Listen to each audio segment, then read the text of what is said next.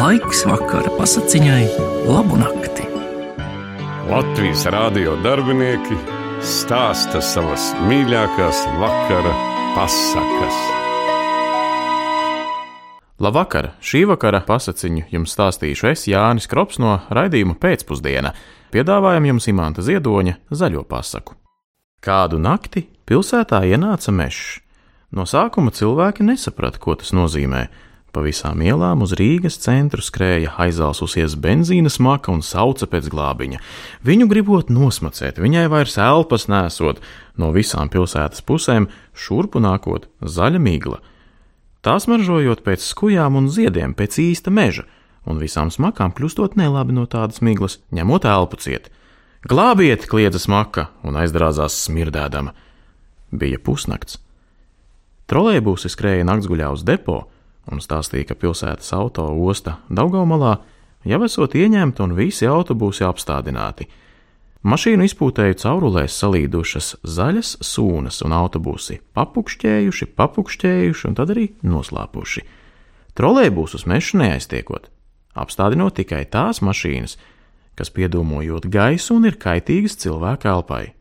Pašlaik ķerot ciet taksometrus un citas benzīna mašīnas, Pratināti ir pašizgāzēji auto vai gāzuši drazu mežā, buļģus, atkritumus, lupatas. Pratinātāji esot kadeķīši, asiecīši, visu atceroties. Gan tos cilvēkus, kas plēsuši ogas ar visām metrām, gan tos cilvēkus, kas griež sirdis un vārdus kokos, plēš tāsis, mauc mizu kokiem, dauza pudeles, visu atceras. Bet galvenais atceras arī to mašīnu numurus, kas mežā muļļājušās, plēsušas saknes un smirdinājušās.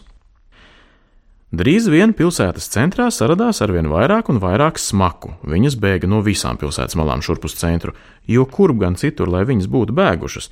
No visām pusēm taču pilsētā nāca iekšā mežs.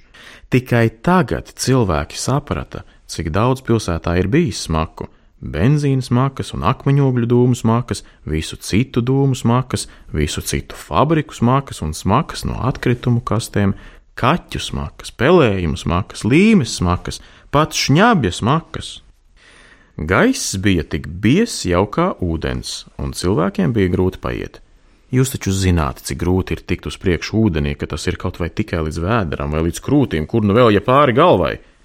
Bet no meža uz centru bēga arī trokšņi mašīnu rēkoņi un tramvaju grabēšana, dzelzāmuru daudzīšanās, visādas klaboņas un šņākoņas. Klaboņi jau ir klaboņi. Viņi jau nevar stāvēt neklabējusi, viņa meklēja, kur klabēt. Iestājās starp diviem elektrības stabiem vai diviem stieņiem un svārstījās, daudzījās starp tiem, tā ka visiem ausis krita ciet. Šņākoņa pūta visās caurulēs, kādas tik pagadījās, piemēram, pie māju stūriem ūdens notika caurulēs, un putekļi, Visas pilsētas putekļi tagad no meža bīdamies bēg uz centru, tie ielīda pilnīgi visur. No rīta radio balss tā bija aizputējusi, ka radio ilgi klepoja un tikai tad sāka runāt. Cilvēki nemaz nedzirdēja, cilvēkiem bija pieputējušas ausis, tā pieputējušas, ka izmazgāt tās nevarēja un vajadzēja tīrīt ar putekļu sūcējiem.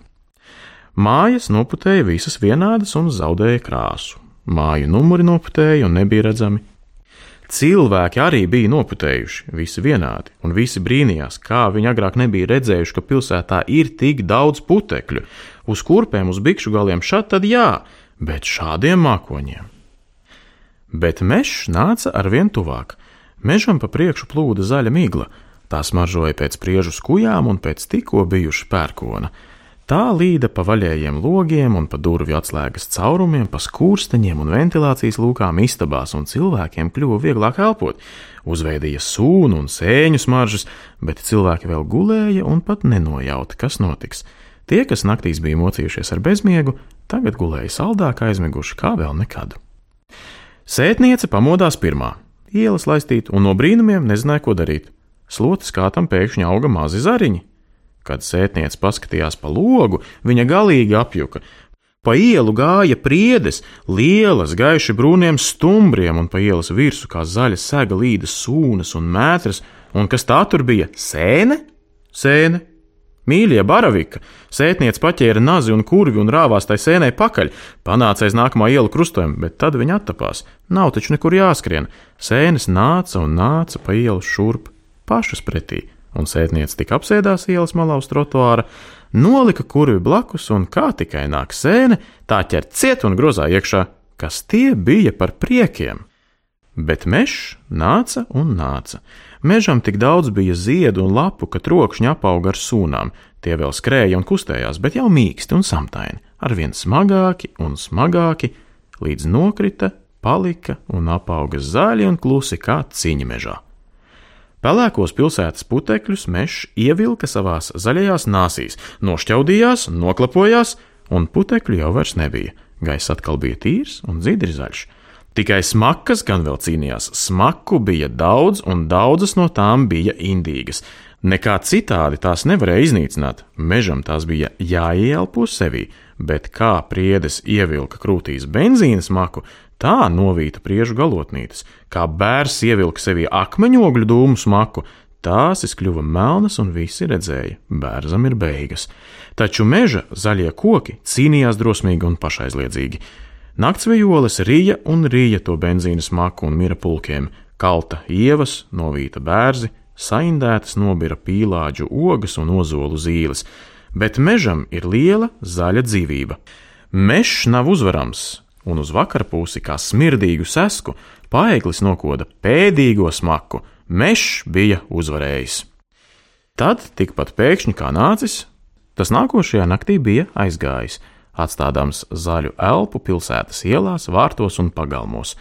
Tā vēl tur ilgi dzīvoja, līdz uzvarēja atkal trokšņi un smakas, bet cilvēki tagad zināja, vismaz reizi gadā pilsētā ienāk mežs - zaļš, zaļš, mežs. Tik zaļš kā nekas cits pasaulē, tik tīrs kā nekas cits pasaulē.